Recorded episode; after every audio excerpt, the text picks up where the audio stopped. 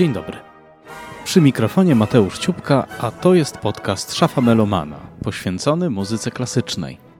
W każdy poniedziałek rozmawiam z zaproszonymi gośćmi, instrumentalistami, śpiewakami, dyrygentami, kompozytorami, krytykami, tymi, którzy żyją muzyką i z muzyki.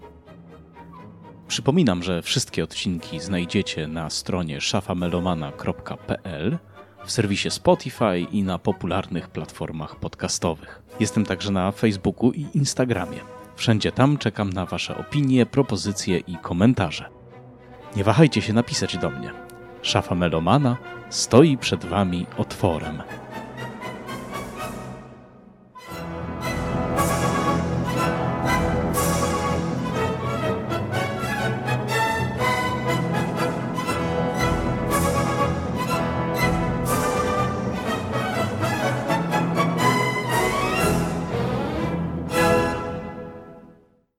Dzisiaj moim gościem jest Michał Lazar, gitarzysta. Witam cię, Michale. Dzień dobry. Sytuacja jest dla mnie trudna, ponieważ spotkaliśmy się spontanicznie, a to y, w zasadzie wykluczyło możliwość y, uzbrojenia się w bardzo mądre pytania, więc będę zadawał ci szereg pytań głupich. Nie, jesteś na to gotów? Tak, wydaje mi się szczerze mówiąc, że pytania głupie są lepsze, bo są bardziej zaskakujące i bardziej otwierają niż takie mądre, przygotowane pytania, na które ja bym się mógł też przygotować wcześniej odpowiednio wybronić. A tak to będą takie pytania podchwytliwe, tak myślę. To, o czym chciałem z Tobą porozmawiać, to jest oczywiście to, w czym jesteś ekspertem, czyli gitara w muzyce współczesnej. Ale y, będziemy musieli do tego tematu troszeczkę dojść, prawda? Mm, więc zacznę mój zestaw głupich pytań od y, pytania takiego. Co gra się na gitarze z repertuaru przed XX wiekiem? I czy w kształceniu muzyka gitarzysty, te wcześniejsze epoki są obecne i w jakim stopniu? To jest bardzo podchwytliwe pytanie, ponieważ problem polega na tym, że ja takich rzeczy grałem stosunkowo mało w trakcie studiów, więc teraz będę dukał nazwiska.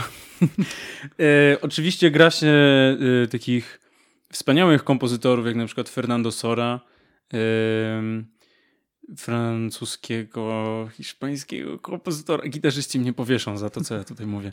E, gra się też Fernando Carulego, gra się Dioniso Aguado.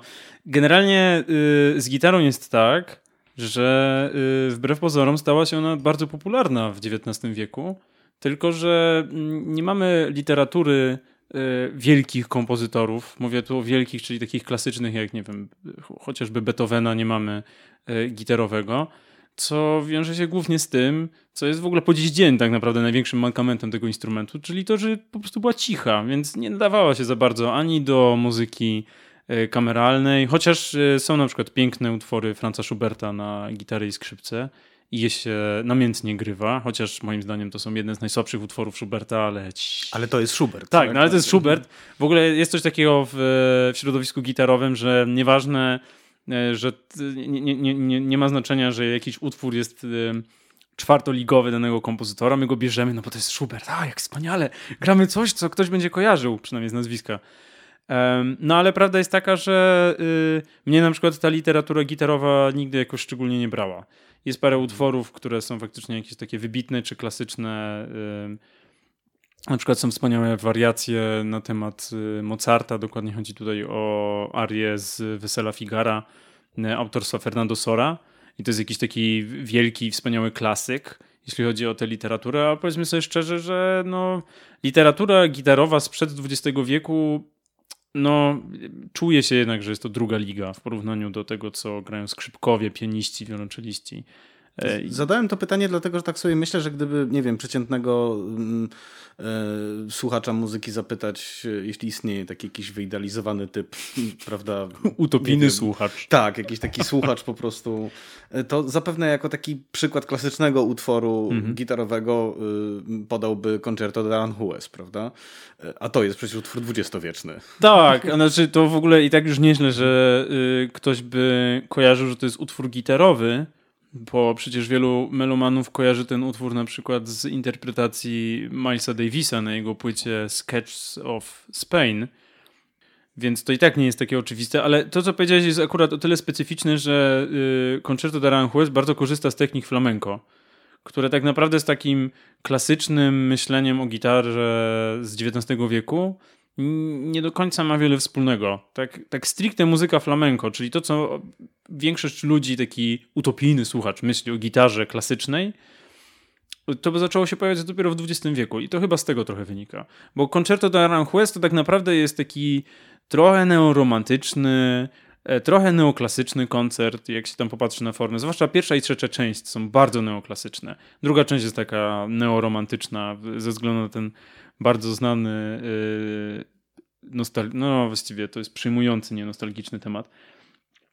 Yy, ale to jeśli chodzi o formę. Natomiast jeśli chodzi o muzykę flamenco, która jest tam wykorzystywana, no to faktycznie ona w XIX wieku raczej się w gitarze nie pojawiała, co jest trochę dziwne. Ale tak było. Dlatego nikt tej gitarowej muzyki XIX wieku nie lubi. Abyśmy domknęli troszkę ten temat ym, gitary XIX-wiecznej, to w zasadzie mm. wydaje mi się, że takim ym, objawieniem y, chyba ostatniego czasu była premiera płyty wydanej przez Narodowy Instytut Fryderyka Chopina, której Mateusz Kowalski gra właśnie na gitarze, między innymi kompozycję Chopina, co myślę, że było dość takim szokującym, jak sądzę, doznaniem dla wielu miłośników tego kompozytora, e, bo tak jest zawsze z Chopinem, którego się gra nie na fortepianie, że on zawsze brzmi trochę dziwnie i szokująco, ale zdaje się, że ta płyta i ma jakieś umocowanie w historii, to znaczy to się nie wzięło znikąd. Być może faktycznie wtedy na salonach grywano Chopina, ale innych kompozytorów także właśnie na gitarze. Na pewno, ponieważ na przykład Tarrega, który żył jeszcze w XIX wieku, który należy do ojców jakby współczesnego myślenia o technice gitarowej, tworzył aranżacje utworów Chopina. Nie chcę oceniać, czy te aranżacje są świetne, czy nie. To już tam zostawmy bardziej wykonawcom, którzy się zajmują tego rodzaju muzyką. Ale oczywiście, że grywano Chopina i grywano też Beethovena i grywano też Mozarta i jeśli ktoś e, ma jakieś naprawdę ostre YouTube party, to może sprawdzić, jak brzmi symfonia Dworzaka na y, gitarze solo. Takie opracowania istnieją i one czasami są bardzo nietrafione, ale czasami dzięki wykorzystaniu gitary da się uchwycić jakąś naprawdę niesamowitą różnicę w barwie. Myślę, że to jest w ogóle bardzo ciekawe w, w kontekście muzyki Chopina, która jednak bardzo te barwy wykorzystuje, w których w ogóle kwestia y, brzmienia jest przecież niesamowicie ważna. Na pewno nie tylko bym polecał tę płytę Mateusza Kowalskiego, ale polecam wszelkie opracowania na duety gitarowe czy kwartety gitarowe muzyki Chopina, żeby też czasami zmierzyć się z jakimś innym kontekstem dla tej muzyki. Na pewno Chopin na gitarze brzmi dużo delikatniej, dużo ciszej, dużo bardziej intymnie niż na fortepianie. Oczywiście puryści powiedzą, że brzmi po prostu gorzej, ale y, na pewno jest to ciekawe. Inna sprawa, że Mateusz Kowalski jest świetnym gitarzystą, więc to też czasami jest kwestia tego, kto gra te aranżacje, prawda? Jeżeli mamy porównanie wybitnego, genialnego pianisty i całkiem dobrego gitarzysty, który gra ten sam utwór Chopina, to oczywiście, że wybierzemy tego genialnego pianistę, co niekoniecznie musi wynikać z tego, że aranżacja jest zła, tylko po prostu z tego, że wykonawca jest gorszy.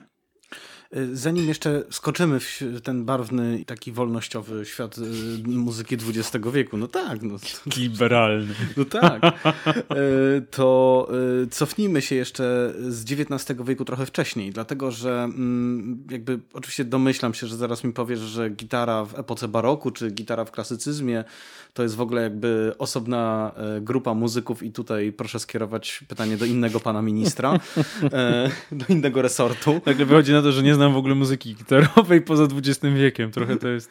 Nie, nie, nie. To, to, to nie chciałem mojego rozmówcy wprowadzić aż taki dyskomfort.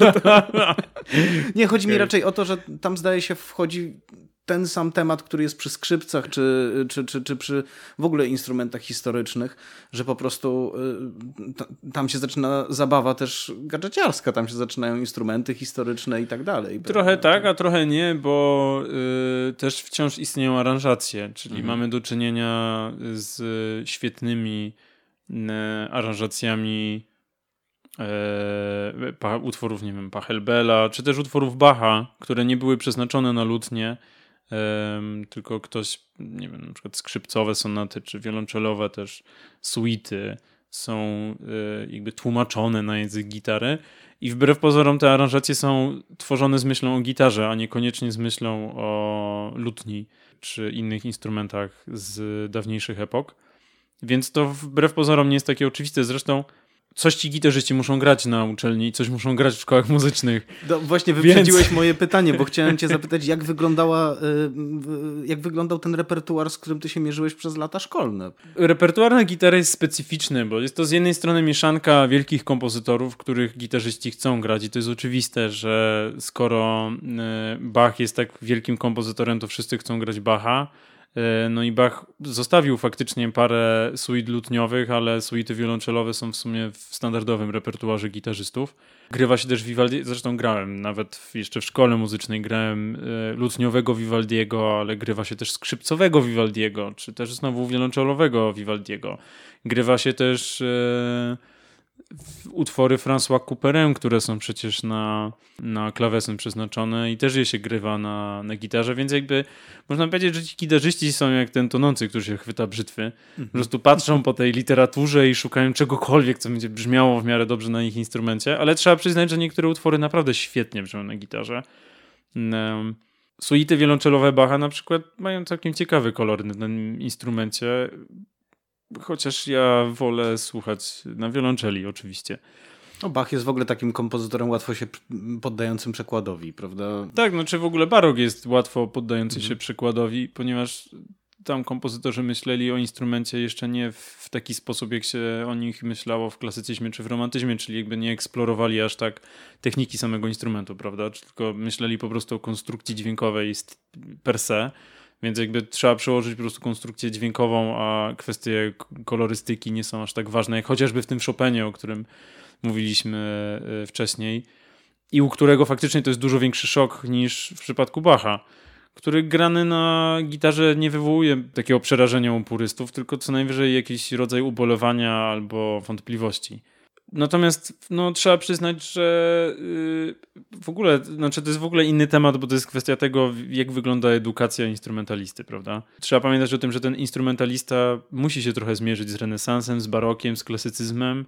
Niekoniecznie to jest tak, że te utwory i te aranżacje są grywane na scenie, czy, czy, czy przez wielkich solistów na, na ich recitalach Oczywiście niektórzy czasami po to sięgają, ale prawda jest taka, że rzadko się grywa. Znaczy Bacha akurat tak, bo oczywiście wszyscy uwielbiają i słuchać i grać Bacha, ale z tych mniejszych, mniej poważnych aranżacji tak naprawdę sięga się przede wszystkim w celach edukacyjnych. I tyle. Co się dzieje z gitarą, kiedy pojawiają się impresjoniści, kiedy pojawia się Debussy, kiedy rozpada się system tonalny? Czy, czy gitara jakoś zaczyna już wtedy urastać? Można powiedzieć, że ona jest obok. Mhm. Ona jest jak taki ziomek, który przyszedł na imprezę, ale przesiedział ją przez przypadek w, w kuchni i nie ogarnął, co się dzieje. To jest trochę coś takiego, bo e, w XIX wieku e, gitara była znana i była kochana, i Chopin i Beethoven się wypowiadali fantastycznie o gitarze, no ale trzeba przyznać, że jednak w którymś momencie ten instrument musiał ustąpić e, wiolonczeli, czy, czy fortepianowi, czy skrzypcom ze względów czysto akustycznych. Moglibyśmy tutaj dy y, dyskutować na temat tego, jakie miała gitara znaczenie kulturowe, etc., etc., ale prawda jest taka, że po prostu skrzypce, wiolonczela i fortepian były głośniejsze i dawały większe pole do ekspresji solistów pod koniec XIX wieku. Więc y, chociaż Paganini, co jest ciekawe, podobno umiał grać na gitarze i pisywał na gitarę, no to jakby zapamiętany będzie głównie ze skrzypiec, bo gitara nie dawała mu takich możliwości e, wirtuozerskich. I w związku z tym pod koniec XIX wieku ta gitara zaczęła być troszkę zapominana. Jakby odchodziły czasy takiego typowego grania kameralnego, salonowego, coraz bardziej chciano raczej muzyków występujących na dużej scenie, więc naturalnie gitara po prostu traciła. No, to, jest, to jest nieuniknione niestety. E, więc na początku XX wieku gitara właściwie w pewnym sensie trochę zniknęła tak? Czyli jest jak ten ziomek, który tak, mhm. dobra, tu się dzieje impreza, gitara wychodzi na bok, wychodzi sobie zapalić papierosa, pali jednego, drugiego, trzeciego. I e, w tym czasie e, po pierwsze muzyka flamenco zaczęła być inaczej pojmowana, tak? No bo jakby w XX wieku muzyka ludowa w ogóle zaczęła wchodzić trochę bardziej na salony, kompozytorzy dostrzegali jej niesamowity i ogromny potencjał, więc tak samo było w Hiszpanii w której kompozytorzy stwierdzili, że no kurczę, ta muzyka flamenco faktycznie daje niesamowite możliwości, może by z niej skorzystać. Muzyka flamenco zawsze będzie się kojarzyła z gitarą, e, nieodwołalnie i niezaprzeczalnie, więc oczywiście ta gitara zaczęła się troszeczkę pojawiać u na przykład Manuela de Fai, chociaż to, to, to już jest troszeczkę późniejszy kompozytor, prawda? No ale jednak u niego na przykład ta gitara y, zaczęła być ważna. Tutaj oczywiście jest ten moment, w którym powinienem sypać tytułami z rękawa. Jest parę utworów Manuela Defai y, orkiestrowych, w których gitara się pojawia. Ja oczywiście nie pamiętam ich tytułów. Przepraszam. Przepraszam moich wykładowców z Akademii. Przepraszam moich nauczycieli. Ale pamiętam Manuela Defaye, to jest jedyne, co mam na swoje usprawiedliwienie. E, natomiast tak serio, y, najważniejszą postacią wtedy stał się André Segovia, e, hiszpański gitarzysta, który z trochę y, nie do końca jasnych powodów, przynajmniej dla mnie, bo nie jestem aż tak wielkim fanem jego interpretacji, które oczywiście poznawałem już tylko na nagraniach, no ale stał się wielką gwiazdą światowego formatu. Nagle, zaczę... Nagle się okazało, że można na gitarze grać na wielkiej sali, ponieważ jakimś cudem Segovia swoją charyzmą był w stanie ich zaczarować.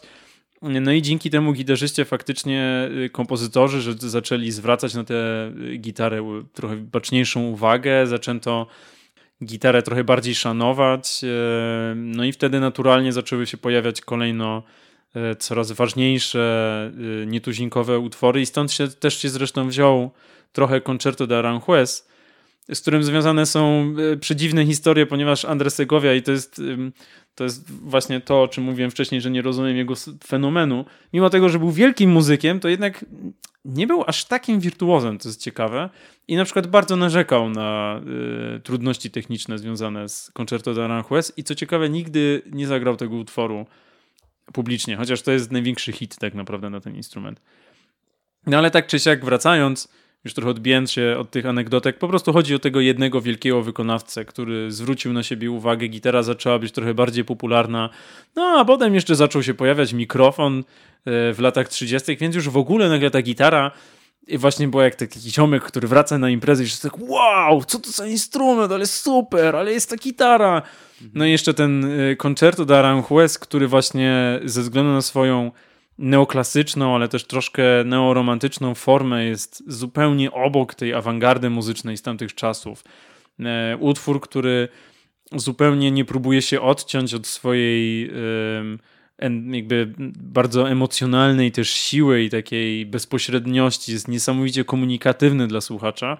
No więc jakby ten utwór też umocnił nagle te, te pozycje gitary, nie? czyli te, te, ten instrument, który był taki totalnie obok i taki troszkę nieważny nagle zaczął, zaczął mieć jakieś, yy, jakieś duże znaczenie. No to jest częste w muzyce klasycznej, a szczególnie w muzyce XX wieku, że um, kiedy się pojawia właśnie ta ta kluczowa postać, jakiś właśnie y, y, y, świetny wykonawca, to sypią się potem utwory, ponieważ ten świetny wykonawca pociąga za sobą publiczność, a za Tak, tak, no oczywiście. Nie? Dla nowych, to to też jest muzyki. zabawne, że jak się, jak mnie przynajmniej uczono w szkole, to nikt nie mówił o tym aspekcie praktycznym, no ale powiedzmy sobie szczerze, to też po prostu chodziło o kasę.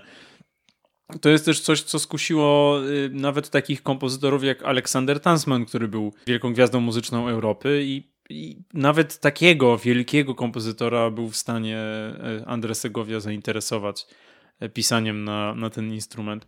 Więc wydaje mi się, że to o czymś e, świadczy. I w pewnym sensie wydaje mi się, że mm, te czasy już nie wrócą. W tym sensie, że mhm. to był najlepszy tak naprawdę moment dla, dla gitary, w tym sensie, no, no w sensie popularności po prostu. Mhm. E, nie chcę powiedzieć tego, że teraz już nie, nie ma takich dobrych utworów, ale wtedy faktycznie zaczął się jakiś rodzaj boomu na gitarę. A czy wtedy, czyli doprecyzuj. A, przepraszam, to mówimy o mówisz? końcówce lat 30. Aha. E, mniej więcej. Oczywiście druga wojna światowa trochę przerwała ten moment, ale mhm. jeszcze pod koniec lat 40., na początku lat 50. powstało dużo, e, dużo wielkich utworów narysowałeś mniej więcej, jak wygląda ten kontekst no, do czasów II wojny światowej na świecie, a jak to wyglądało w Polsce. Czy myśmy tutaj mieli jakichś świetnych gitarzystów, czy jak to wyglądało na rodzimym poletku? W Polsce tak naprawdę gitara była popularna bardzo w XIX wieku. Zresztą na wspomnianej przez Ciebie płycie Mateusza Kowalskiego nie dam sobie ręki uciąć, bo nie będę mógł wtedy grać na gitarze, ale wydaje mi się, że pojawia się tam nazwisko Bobrowicza, mhm. wielkiego, wspaniałego polskiego gitarzysty, który zostawił po sobie Jan kilka... Tak, tak. Kilka naprawdę fajnych, fajnych utworów zostawił za sobą ten, ten kompozytor i wykonawca, ale no, z naturalnych trochę przyczyn też patrząc na to, jak wyglądała u nas kultura muzyczna, to trochę nie dziwota, że w XX wieku gitara trochę zniknęła, bo prawda jest taka, że to, o czym ja mów, mówiłem wcześniej, czyli o tej wielkiej sławie gitary, o tym boomie gitary, to dotyczy głównie Hiszpanii, Francji, e, czyli raczej Europy Zachodniej i Środkowej. W Polsce tak naprawdę ta gitara zaczęła docierać dopiero w drugiej połowie XX wieku. Oczywiście tutaj znowu mi się dostanie po łapach od e, znawców, ponieważ pojawiała się gitara i pojawiali się sporadyczni wykonawcy, ale tak zupełnie serio, yy, dopiero w drugiej połowie XX wieku gitara zaczęła się pojawiać też na y, uczelniach muzycznych. Zaczęli się też powoli, powoli pojawiać coraz ciekawsi, coraz y, lepsi wykonawcy. No i, ale tak szczerze, żebym miał z ręką na sercu powiedzieć o gitarzystach, których mi się dobrze słucha i których pojawiły, zaczęły pojawiać się fantastyczne, jakieś ciekawe trochę bardziej oryginalne nagrania, no to mówimy tutaj dopiero o latach 90. czy wczesnych 2000. Zanim skoczymy do tej, do tej epoki, jeszcze muszę zapytać, co z gitarą zrobili awangardziści, tak zwani? Wydaje mi się, że ze względu na to, y, o czym mówiliśmy wcześniej, czyli na to, że ta gitara była tym takim, był instrumentem, który był trochę na uboczu, poza takim, poza tak, nazwijmy to głównym nurtem muzyki poważnej, nie miała takiego problemu pamięci instrumentu, czyli konwencji, która jest związana z danym instrumentem. Tak, tak jak fortepian na przykład, tak. prawda? Jak już dostałem się na Akademię Muzyczną, to zauważyłem, że właściwie to trwa po dziś dzień. Większość kompozytorów, i nie mówię tego jako oszczerstwo, tylko prosty fakt, tak naprawdę nie kojarzy za bardzo tego instrumentu. Nie jest on zbyt popularny w takiej myśli kompozytorskiej. Nie jest on zbyt popularny, kiedy uczy się historii muzyki, a kiedy uczy się historii muzyki XX wieku, to już właściwie w ogóle. Ta gitara się pojawia bardzo sporadycznie. Wspomniane wcześniej Concerto de Aranjuez jest absolutnie nie awangardowym utworem. Ciężko tam w ogóle znaleźć jakiś element awangardy. Oczywiście dałoby się, ale trochę na siłę, powiedzmy sobie szczerze.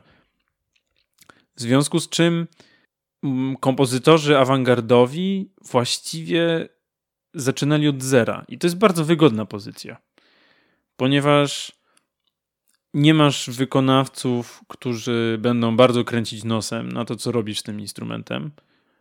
Ponieważ skoro nie ma jakiejś pamięci gatunku i nie ma pewnych konwencji, które się utarły, to też nie będzie zbyt wielu tak naprawdę wykonawców, którzy będą narzekać na to, że nie nawiązujesz do tych konwencji. W związku z tym też otwierało się pole na eksperymenty i nie trzeba było myśleć o tym, że coś już było albo czegoś już nie było.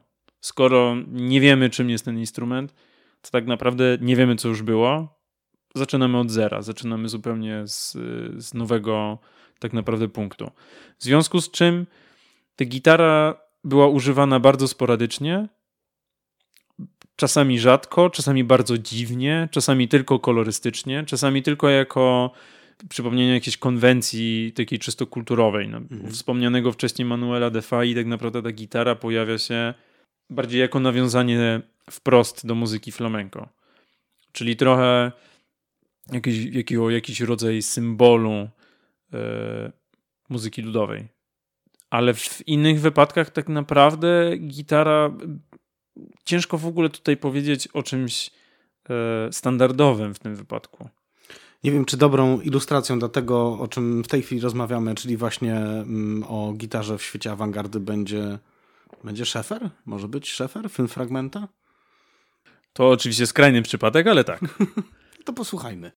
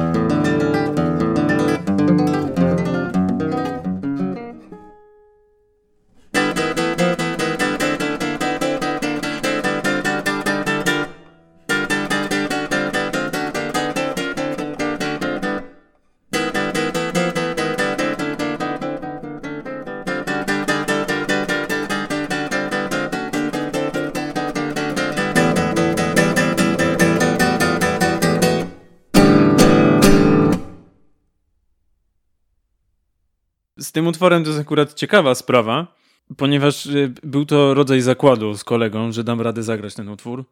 Jest on praktycznie awykonalny. Nie wiem, czy ktoś w, w Polsce poza mną i moim dobrym znajomym, którego tutaj pozdrawiam, Wojciechem Grugulem, grał w ogóle y, te kompozycje. Pewnie tak i pewnie znowu kogoś obraziłem, za co bardzo przepraszam. Ale trzeba przyznać, że utwór ten jest niesamowicie trudny i niesamowicie też dziwny. I to jest właśnie przykład tego, o czym mówiłem wcześniej, czyli takim czystym eksperymencie. W tym utworze zupełnie przypadkowo pojawia się bardzo wiele konwencjonalnych zagrywek z punktu widzenia na przykład muzyki flamenco. E, Razguado jest właściwie najbardziej powszechną i najbardziej oczywistą techniką, a jednak Szefer używa tej techniki, mówiąc brzydko, namolnie.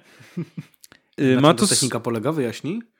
Polega na szarpaniu kilku strun jednocześnie uderzeniem jednej ręki. Mhm. Czyli technika ta pozwala na rytmizowanie jednego akordu. To jest o tyle specyficzna technika, mówienie o niej na sucho jest w ogóle takie trochę dziwne, ale tak jak Państwo na przykład, y, być może niektórzy kojarzą o biciu, akordów albo o waleniu akordów przy ognisku, no to tak. właściwie to jest najbardziej popularna technika gitary. To jest, to jest najczystsze razgłado, czyli bierzemy po prostu palec jednej ręki albo na przykład dwa palce jednej ręki i szarpiemy wszystkie struny jednocześnie albo kilka strun jednocześnie i to pozwala nam na rytmizowanie jakiegoś akordu.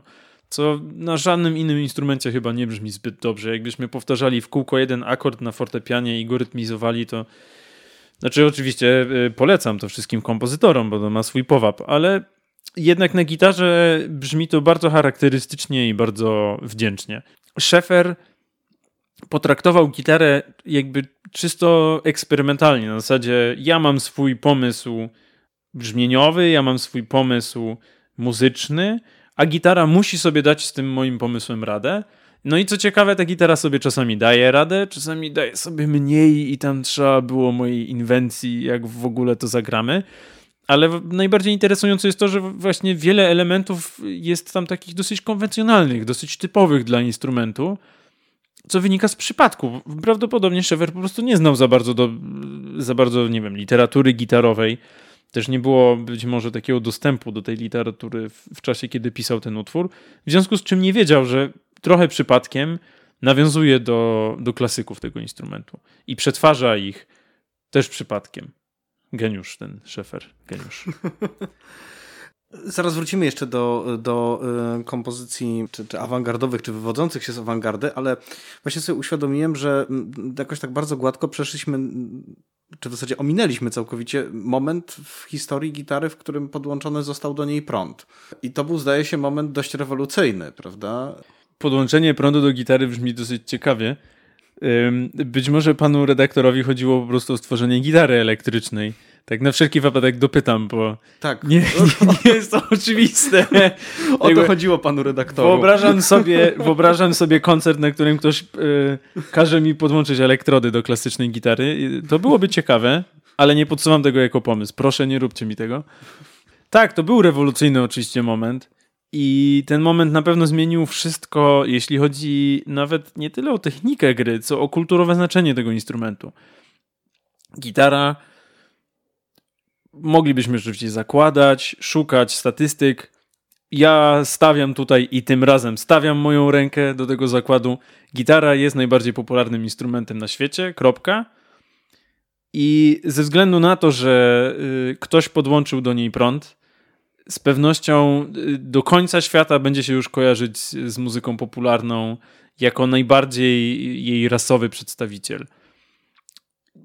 Oczywiście wpłynęło na to kilka rzeczy. Przede wszystkim fakt, że dzięki temu, że podłączono do niej prąd, nagle się okazało, że można mieć instrument harmoniczny, którego można się nauczyć w ciągu jednego wieczora, ponieważ podstawowe akordy na gitarze, takie jak E-moll czy A-moll, w sumie też C-dur czy też D-dur, są naprawdę łatwe do zagrania. W związku z czym w kapelach rockowych, ale też kapelach bluesowych mogli grać ludzie, którzy bardziej to czują niż potrafią grać, co jest w sumie piękne i w sumie to świadczy o demokratyzacji sztuki na, na, na no w ogóle poziomie, o którym nikt wcześniej nie śnił. I przez to też gitara jest trochę dziwnie rozumiana przez postronnych i przez takiego utopijnego, szarego słuchacza. Na pewno też gitara jest rozumiana w dwuznaczny sposób. Tak naprawdę, jeśli myślimy o fortepianie, skrzypcach czy wiolonczeli, po pierwsze, raczej nie myślimy o podłączaniu ich do prądu, chociaż to też jest możliwe, prawda? Jakby prąd można podłączyć do wszystkiego. Mhm ale y, nikt tak naprawdę nie kojarzy tego z automatu, z tym właśnie nagłaśnianiem. Nie myślimy o skrzypcach od razu jako o skrzypcach elektrycznych. W przypadku gitary właściwie to jest y, automatyczne. Myślę, że większą, oczywiste. większe zdziwienie chyba budzi ten akustyczny instrument, prawda? To znaczy tutaj, tutaj może... oczywiście musielibyśmy spotkać no tego... tak, to zależy od kontekstu. Tak, no jakby ten dobra, utopijny słuchacz cofam, musiałby nam powiedzieć, bo gitara klasyczna z kolei jest niezwykle popularna na wszelkiego rodzaju wyjazdach, tak, biwakach, tak. co jest w ogóle wielkim problemem dla każdego klasycznego gitarzysty. Jeżeli słucha tutaj tego jakikolwiek mój znajomy czy inny pobratymiec w fachu, to przybijam mu piątkę ze smutkiem, ponieważ ja też przeżywałem to na każdym kolejnym ognisku czy wyjeździe. Jest to, Jolkę. Jest to, to jest akurat najmniejszy problem, bo Jolka jest akurat ciekawa jeszcze. E, finał, znaczy finał, refren emigrowałem jest naprawdę ciekawy, jest interesujący. A im więcej wypijesz, tym jest ciekawszy. Tak, tak, właśnie to jest jakby to wejście tam na górę jest, jest, jest symboliczne wręcz. Natomiast wehikuł czasu, whisky, to są piękne piosenki. Dlaczego ktoś każe mi je grać po trzy razy na jednej imprezie? To jest w ogóle jakaś masakra. No ale wracając, to też, znaczy w ogóle muzyka rozrywkowa i jej y, propagowanie w drugiej połowie XX wieku w ogóle wywróciło do góry nogami myślenie o gitarze, co też przyczyniło się do totalnej zmiany myślenia o literaturze na gitarze. Tak naprawdę jest niewiele instrumentów, y, y, może na perkusji też tak jest i wydaje mi się, że nadętych. Teraz znowu mi się dostanie po łapach od jakichś dęciaków. Ach. E, lista ludzi, których obraził w tym odcinku Michał Lazar, dostępna będzie w opisie odcinka. Tak, jakby. E, nagrywamy wywiad w, w, Krakowie, a ja wyjeżdżam do Warszawy. Myślę, że to nie jest przypadek. E, natomiast wracając tak serio, to w szkole muzycznej, jak, jak myślimy o kształceniu pianistów, skrzypków, wiolonczelistów, czasami i naprawdę współczuję i jest mi przykro, jak o tym myślę, ile ci młodzi ludzie, czy też moi koledzy, którzy kiedyś po prostu chodzili jeszcze do tych szkół, grali muzyki rozrywkowej, czy muzyki, które nawiązywała chociaż do rozrywkowej w trakcie kształcenia w szkole, czy w trakcie studiów. Ze względu na to, że gitara została podpięta do prądu, z automatu stała się jednym z najważniejszych instrumentów w muzyce rozrywkowej, jest oczywistym i naturalnym, że muzyk w którymś etapie swojego kształcenia trochę tej muzyki rozrywkowej dotknie. I może to być blues, może to być bossa może to być zupełnie przypadkowy akompaniament komuś w szkole, ale tak czy siak na to trafi i jest na to absolutne przyzwolenie całego mechanizmu szkolnego. Co jest w sumie dziwne. I jak czasami opowiadam o tych doświadczeniach innym muzykom, to są po prostu zdziwieni, albo widać, że jest im żal, że u nich to tak nie wyglądało. Dla porównania, na Akademii Muzycznej jest dosyć oczywistym, że gra się repertuar dwudziestowieczny na gitarze na, w każdym właściwie egzaminie. Natomiast na takich skrzypcach to czasami rozmawiałem ze znajomymi. Może teraz to się zmieniło. Mówię to na wypadek, gdybym miał obrazić całą Akademię Muzyczną. Ale pamiętam za czasów, jak ja jeszcze studiowałem, że skrzypkowie ubolewali, że nie pozwala im się nawet grać Bartoka. Bartoka! który przypomnę zmarł ponad 70 lat temu. To jest w ogóle absurdalne, jak się o tym pomyśli, jak się o tym mówi. Już nie wspominając o tym, że klasycznie kształcony muzyk nawet nie dotknie dla swojego doświadczenia y, konwencji rozrywkowej. Co jest bardzo dziwne i niezrozumiałe. Potem taki muzyk dla mnie to, to trochę tak jakby wychodził w świat y, za przeproszeniem analfabeta. Nie wiedział, co się trochę dzieje dookoła niego. Nawet nie musi tego grać, ale mógłby przynajmniej to rozumieć. Na gitarze natomiast jest naturalne, że gra się e, właśnie bardzo dużo muzyki latynoskiej, nawiązuje się albo gra się w ogóle flamenco. Na Akademii Muzycznej na przykład jest taki przedmiot przecież jak, e, jak muzyka flamenco, który trzeba zaliczyć i niektórzy robią to z bólem brzucha, zębów i paznokci, ale jednak muszą trochę tego flamenco zagrać. Mówię o tym bólu brzucha, ponieważ wbrew pozorom nie wszyscy gitarzyści chcą być jak Paco de Lucia czy Jimi Hendrix. No ale faktem jest, że ten gitarzysta musi trochę tej rozrywki dotknąć, więc też i granie muzyki współczesnej na tym instrumencie paradoksalnie wydaje się trochę bardziej naturalne i oczywiste, ponieważ skoro już nawiązujemy do konwencji, które są bliższe nam i bliższe naszemu codziennemu doświadczaniu muzyki, to wtedy już dzieli nas tylko jeden krok dalej, żeby no skoro już gramy te bossanowe czy trochę rocka, no to sięgnijmy dalej do muzyki offowej, undergroundowej, alternatywnej czy wreszcie współczesnej. No i w ten oto sposób zbliżamy się właśnie do tych bardzo płynnych granic gatunkowych i zbliżamy się do tego, że gitara elektryczna, która jak sam powiedziałeś otworzyło ten instrument na szeroki, głęboki świat rozrywki, ale jednocześnie też z tego świata chyba przeniknęła gitara, na przykład elektryczna i wszystkie możliwości, jakie z tego wynikają, prawda, także właśnie do muzyki, do muzyki nowej. Przypominam sobie taki fenomenalny koncert, e, był fenomenalny, ponieważ zasnąłem na nim. E, to, to, był koncert na festiwalu, że oczywiście Sacrum Profanum, jako że jesteśmy w mhm. Krakowie, na którym e, wykonywany był taki utwór Elian Radig, Kaspar Teplic. Ach, no tak, oczywiście. To, był, e, to Kaspar Teplic wykonywał utwór, który się nazywał Elemental 2 Elian mm -hmm. i mówię, że, że zasnąłem, ponieważ to jest kompozycja, która trwa przez około 50 minut, polega na bardzo powolnym zmienianiu barw dźwięków osiąganych -hmm. poprzez dotykanie rozmaitymi przedmiotami strun tej jego właśnie magicznej turbogitary, czy jak to, nie wiem, nie, niesamowity Turbogitara! niesamowitego instrumentu, co wprowadzało, a mnie autentycznie, znaczy tak jak wnioskowałem po paru osobach, które siedziały wokół mnie, te częstotliwości, które były tam osiągane, wprowadzały y, y, słuchacze w stan takiego półsnu. Mhm. Ja nie zauważyłem, kiedy te 50 minut minęło, natomiast autentycznie byłem na jakimś haju po prostu wtedy i było to wspaniałe i chciałbym to przeżyć raz jeszcze. Ja niestety nie posiadam takiej turbogitary, więc nie zaserwuję czegoś takiego po wywiadzie. Um, nie zaserwuję też tego Państwu. Aczkolwiek grywam ambient i też nagrywam czasami ambient i też robię własne ambienty to jest w ogóle dodatkowa odnoga y, grania na gitarze. To jest w ogóle dosyć specyficzne, że y, gitara jest tak elastycznym instrumentem ze względu na to podpięcie do prądu, że y, jeżeli wejdą Państwo na YouTube i zaczną Państwo szukać metalowej gitary, czyli związanej z muzyką metalową, ale też takiej typowo rockowej gitary, to zauważą Państwo, że to są instrumenty, które właściwie zupełnie inaczej brzmią, chociaż teoretycznie to jest te same, ten sam układ y, trawienny, że tak powiem, instrumentu, ta sama myśl o instrumencie, ale za każdym razem to jest zupełnie coś innego. co zresztą powoduje trochę zamieszania w muzyce współczesnej, ponieważ jeżeli kompozytor y, karmi się jakąś konwencją, to oczywiście chce jej użyć. Nawet jeżeli ona będzie przetworzona, to chce w jakiś sposób do niej nawiązać.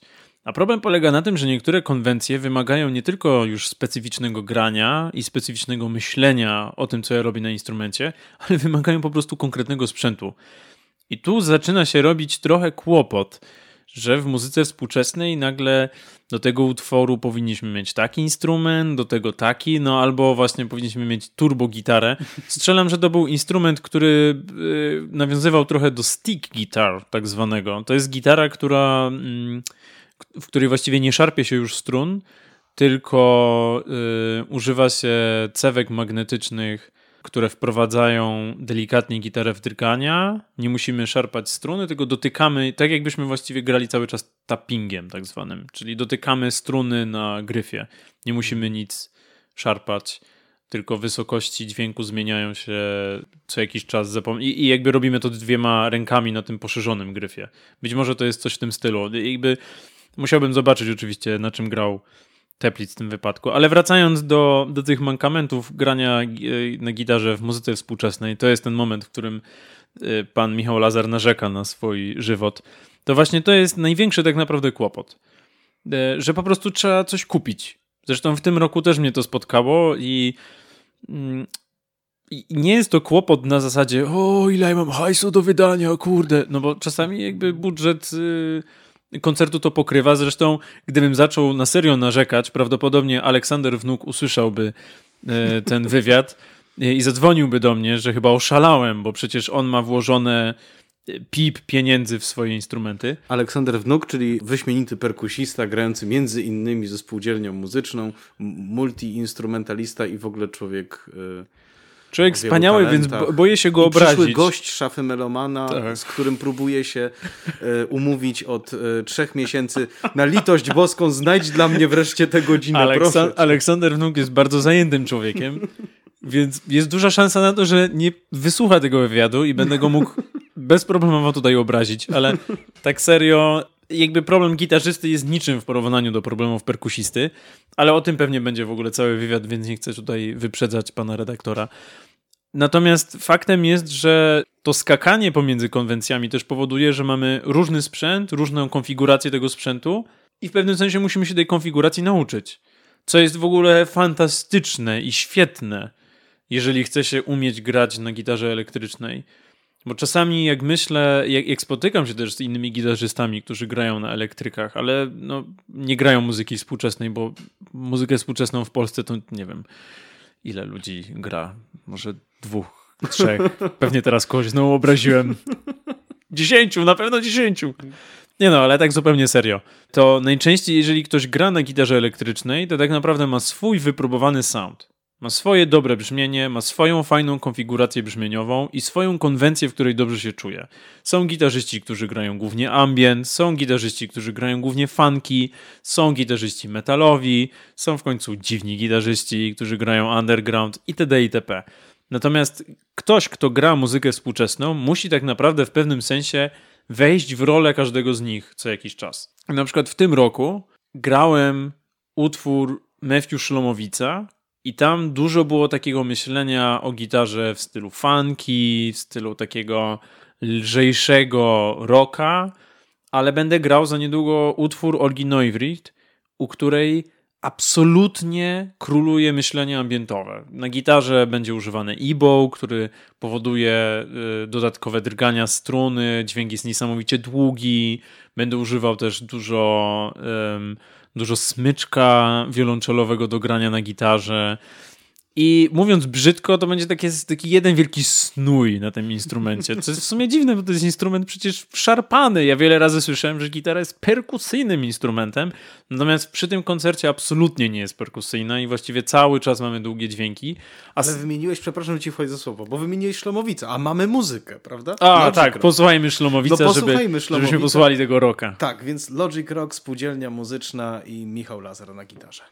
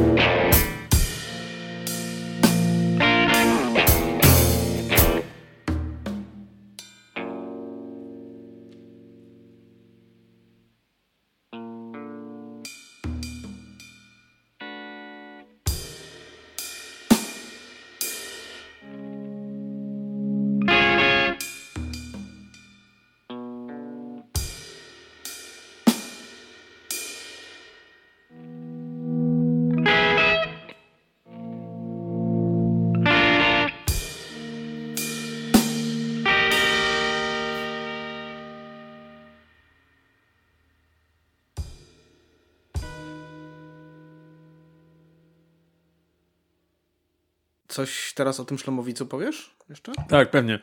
Wcześniej obrażony przeze mnie Aleksander Wnuk grał tutaj ze mną ten wspaniały utwór. Y, zresztą on zaproponował granie y, tego duetu. Myślę, że ten utwór akurat pokazuje y, inny wielki problem grania na gitarze muzyki współczesnej, czyli to, że trzeba nieustannie bardzo dużo liczyć nut. Ale strzelam, że to jest w ogóle leitmotiv muzyki współczesnej, więc jakby liczenie. każdy. Tak, liczenie, liczenie i liczenie. E, tylko chciałem tutaj powiedzieć, że to jest ciekawe, że czasami spotykam się z innymi gitarzystami i dla mnie jakby rzeczy są oczywiste, a że sam piszę muzykę swoją własną, podpisaną moim okrątym nazwiskiem, to czasami zdarza mi się podsuwać nuty moich utworów innym wykonawcom i zawsze się dziwię, że z tym rytmem jest problem. Dla mnie jakoś albo może, może to kwestia tego, że mam, że lubiłem matematykę, nie wiem, ale faktem jest, że dla mnie to nigdy nie był jakiś wielki problem. Więc ten Logic Rock y, to była świetna zabawa. W ogóle ten utwór jest po prostu. Y, to jest czysty fan grać taką muzę. Nie wiem, czy Matthew Szlomowic będzie słuchał naszego wywiadu, ale to jest jedna z tych osób, których nie obrażę. To jest wspaniały utwór, Matthew. Dziękujemy Ci za ten utwór. To była świetna zabawa grać ten utwór. Zwracam uwagę, że chwilę już rozmawiamy i jest to pierwsza osoba na liście tych nieobrażonych, ale wróćmy do tych, których będziemy obrażać. No, tak, po, poobrażajmy sobie kogoś jeszcze.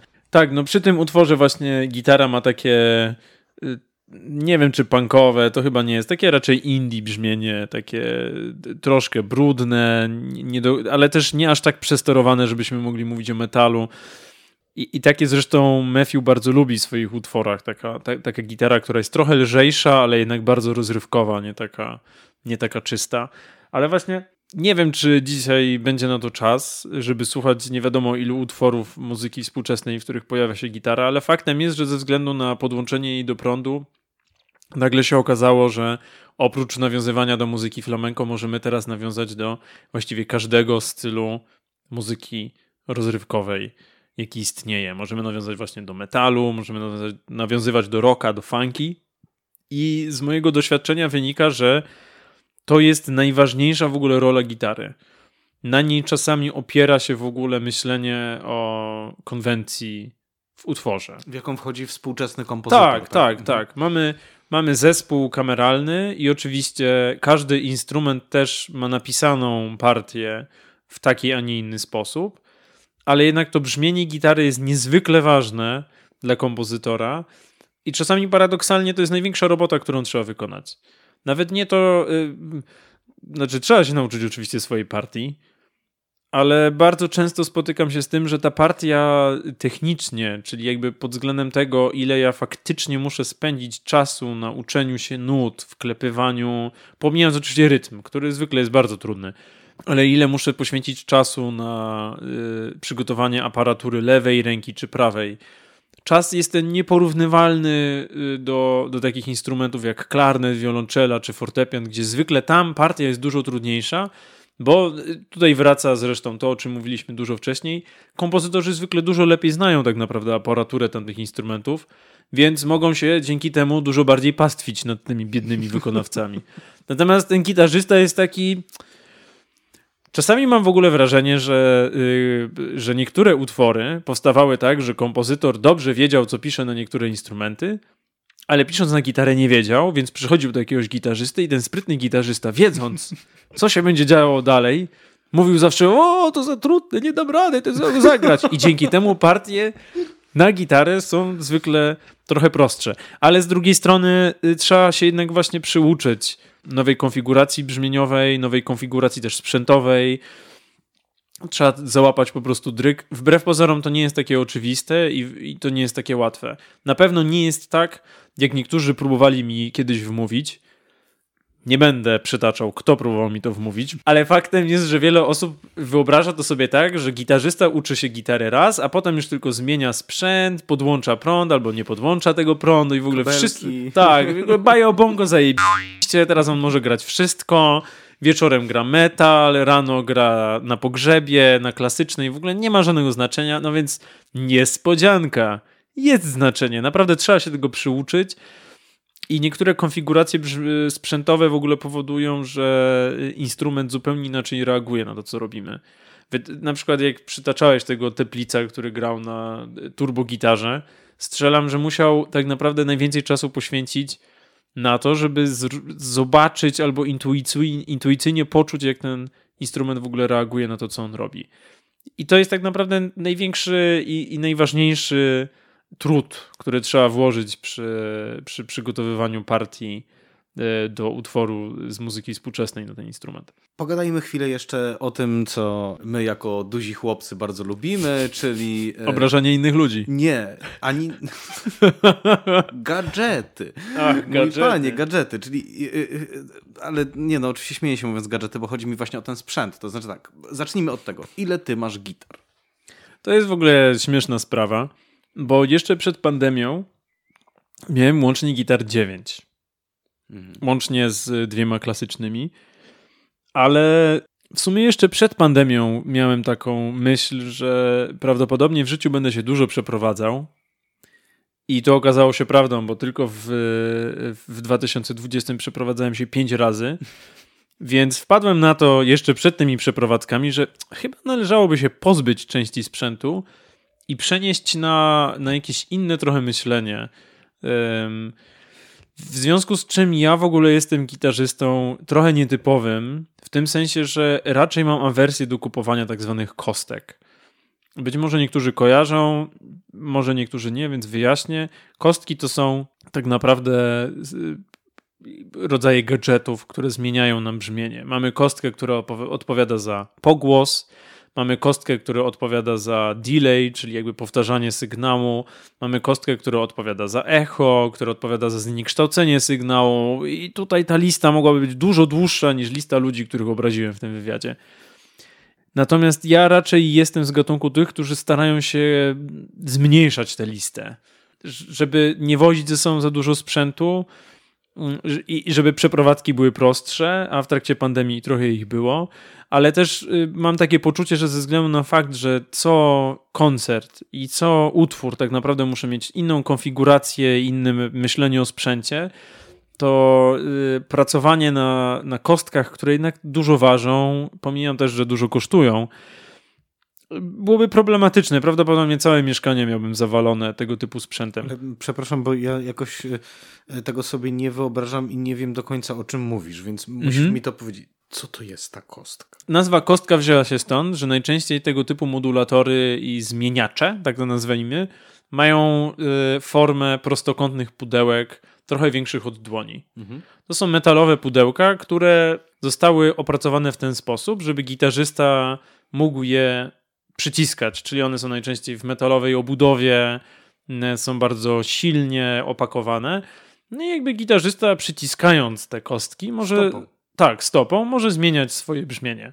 Czyli mamy na przykład kostkę, która odpowiada za pogłos. No i ja mhm. sobie przyciskam tę kostkę i dodajemy pogłos do, do, do mhm. instrumentu. Potem wprowadzono y, unowocześnienie, czyli y, tak zwane multi-efekty. E, I tego używałem w sumie na początku, jak korzystałem z gitary elektrycznej. Multi-efekt polega na tym, że jakby e, cyfrowo mamy zaprogramowane symulacje różnych zmian brzmienia gitary i jedyne co robimy z stopą to tak naprawdę zmieniamy kolejne konfiguracje, tak? Czyli możemy sobie wyobrazić, że wprowadzamy do pamięci maszyny na przykład 60 e, różnych konfiguracji i zmieniamy je za pomocą stopy i przenosimy się między nimi. I pamiętam, że jak e, na trzecim roku studiów naprawdę zacząłem wchodzić w świat gitary elektrycznej, to, e, to, to była najważniejsza rzecz tak naprawdę, z której korzystałem, czyli jakby naciskanie, przepinanie tych pedałów w nutach, roiło się od notatek, która konfiguracja zmienia się na którą. Jak rejestry w organach, to niesamowite. Tak, tak, no to jest, to jest troszeczkę tego rodzaju pomysł tak naprawdę, e, jakby na to nie spojrzeć. Przy czym oczywiście te kostki y, działają na różnych zasadach. E, niektóre są w ogóle analogowe i wśród niektórych gitarzystów panuje oczywiście wielka moda na analogowe kostki, bo analogowe podobno mają lepsze brzmienie, coś tam, coś tam. Tak, tak. Ha, kolejni ludzie, których obrażam. Ale w, y, z mojego doświadczenia wynika, że najlepiej mieć te konfiguracje zapisane w laptopie. Mhm. Więc w którymś momencie przerzuciłem się po prostu na y, nie tyle myślenie o cyfrowym sprzęcie, co w ogóle zacząłem myśleć o, o, symulacji tego sprzętu, którego jest y, na potęgę i mamy tego strasznie dużo. Y, przekonała mnie kiedyś rozmowa z kumplem, realizatorem dźwięku, o którym gadaliśmy w ogóle o zespołach metalowych i, i tego typu muzyce. I on wspomniał, że sławny, przynajmniej wśród rockowców, zespół Meshuga tak naprawdę nie korzysta z kostek. Tylko tamci gitarzyści podpinają się po prostu do laptopów, tam mają dobrze wymyślone brzmienie, to brzmienie ląduje na głośnikach i tyle. I oni się niczym nie przyjmują w trakcie tych koncertów. I pomyślałem sobie, kurczę, no jak goście z Myszugi grają na czymś takim, no to, no dobra, ja nie gram metalu oczywiście, no ale w sumie dlaczego nie? No to są profesjonaliści znani na całym świecie też w sumie mógłbym wejść w coś takiego. W związku z czym y, mniej więcej od dwóch lat staram się y, nie kupować w ogóle już sprzętu, tylko kupuję dodatkowe pluginy albo ściągam darmowe pluginy. Nie wstydzę się tego, bo niektóre są naprawdę świetne. Y, I to ma tak naprawdę tylko jedną wadę, że nie mogę tego przełączać stopą. I to jest jedyny problem. To jest jedyna kwestia, którą. Musisz oderwać rękę. tak, muszę po prostu oderwać rękę. Oczywiście można mieć foot switche, które są połączone z MIDI. E, I nie wiem, czy Jakub Gucik, jak był u ciebie na wywiadzie, o nich wspominał, ale faktycznie takie sprzęty... Nie, ponieważ z Jakubem Gucikiem rozmawialiśmy o konkursie Chopinowskim, mój panie. okay. I tam to dopiero jest lista obrażeń. Tak, no do, wyobrażam sobie. Ale Jakub Gucik jest akurat mistrzem w obrażaniu, więc, yy, więc ja nie będę nawet próbował podejść do tego levelu. Yy, wracając do tych yy, osprzętowych rzeczy, szczerze przyznam, że prawdopodobnie w którymś momencie swojej jakże zawrotnej kariery zaopatrzę się w taki foot switch podłączony do MIDI i dzięki temu będę mógł to przełączać. Oczywiście są kostki, czyli są jakby takie modulatory brzmienia, są takie sprzęty, których nie da się za bardzo zastąpić e, w komputerze. Tak zwana kaczka, czyli sprzęt, który e, moduluje e, brzmienie sygnału tak jak robi kaczka, czyli kła, kła. Dla ludzi, którzy bardziej znają się na y, fizjonomii dźwięku, podpowiem, że jest to efekt, który właściwie filtruje wyższe tony w bardzo gwałtowny sposób. Stąd też najpierw mamy dźwięki, które są takie uu, bardziej skupione i miękkie, a potem mamy je wyższe. Y, no więc wspomniana kaczka, której używał namiętnie Jimi Hendrix, jest właściwie nie do podrobienia. Ciężko sobie wyobrazić, że mielibyśmy ją w jakiś sposób symulować bez użycia pedału. Też używam czasami pedału głośności. No, ciężko sobie wyobrazić, że miałbym odrywać rękę za każdym razem, jak chcę, żeby gitara grała ciszej albo głośniej, więc, więc to są sprzęty, których muszę używać. E, ale generalnie staram się mieć zapisane konfiguracje w laptopie. Jest to na pewno dużo prostsze e, przy podróżowaniu. Jest też dużo prostsze, kiedy gra się bardzo różne utwory i zamiast za każdym razem otwierać szafę z 20 różnymi gadżetami. Mam po prostu laptopa, w którym to wszystko konfiguruję, więc jest trochę prościej. E, no ale y, to, o czym mówię, trwa tak naprawdę dopiero dwa lata. Wcześniej jednak musiałem mieć te wszystkie efekty, albo bardzo często też używałem multi-efektów, wszystko robiło się ręcznie i praca była mozolna i bardzo współczuję wszystkim gitarzystom, którzy używają tego typu ręcznych, analogowych kostek. Do tego trzeba mieć naprawdę hobbystyczne właściwie podejście. E, no i oczywiście pieniądze przelewają się wtedy przez kieszeń. Możemy jakby, żeby wyobrazić sobie skalę tego fenomenu, to mniej więcej jedna kostka zwykle kosztuje między 400 a 500 zł. A żeby naprawdę podrasować sobie brzmienie, potrzebujemy na przykład 10 albo 12 takich kostek które oczywiście wszystkie musimy wziąć w trasę i, i bardzo często każda z tych kostek musi mieć osobne podłączenie do prądu. Więc no, nie jest to dla mnie zabawa, po prostu mówiąc szczerze. Musimy powolutku zmierzać do końca naszej rozmowy, choć e, gada się wspaniale. E, powiedz jeszcze taką rzecz. Jak, e, jakie są proporcje mniej więcej, e, bo po, wspomniałeś, że masz dziewięć instrumentów. Teraz już mam ich mniej na szczęście. Ale gdy miałeś dziewięć, dwa, dwie z nich to były gitary klasyczne. Tak jest. Więc jakie są proporcje? Jak często sięgasz po te wspaniale analogową, niepodłączoną do prądu gitarę, a jak często sięgasz po gitarę elektryczną? No cóż, No, jest to trochę śmieszne, biorąc pod uwagę, że ukończyłem pięcioletnie studia, które nazywają się gra na gitarze klasycznej, mhm. ale prawda jest taka, że większość mojej pracy polega jednak na wyjmowaniu elektryka. Nie ma się co łudzić, gitara klasyczna jest po prostu cicha, więc jest z nią trochę problem w dużym zespole y, kameralnym. Jest z nią też problem jeżeli kompozytor ma pomysł, który jest w jakiś sposób elektroakustyczny, wtedy wydaje się dosyć oczywiste, że skoro już przetwarzamy sygnał e, akustyczny, no to gitara może być po prostu elektryczna i nie musimy jej przetwarzać. Jest dużo prościej. W związku z czym prawda jest taka, że grając na przykład w spółdzielni muzycznej, e, bywały w ogóle takie sezony, jeśli może, można to tak nazywać, że w ogóle nie wyciągałem tej gitary klasycznej.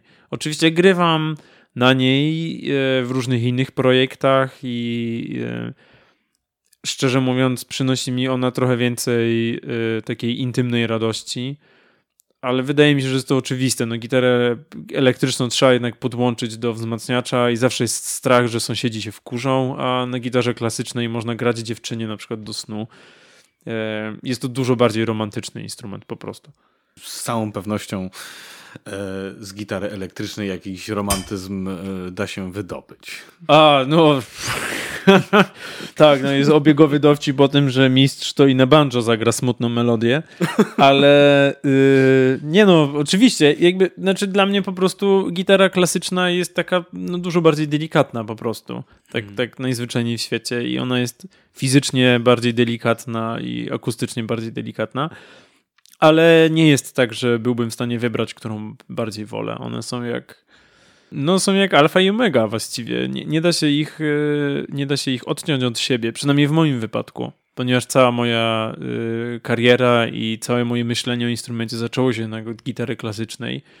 Jest mi ona w pewien sposób e, bliższa, a jednocześnie gitara elektryczna daje jednak niesamowite możliwości dużo szersze i, i na pewno dużo ciekawsze pod względem różnorodnych konwencji, które możemy wykorzystać. To jest wspaniała puenta.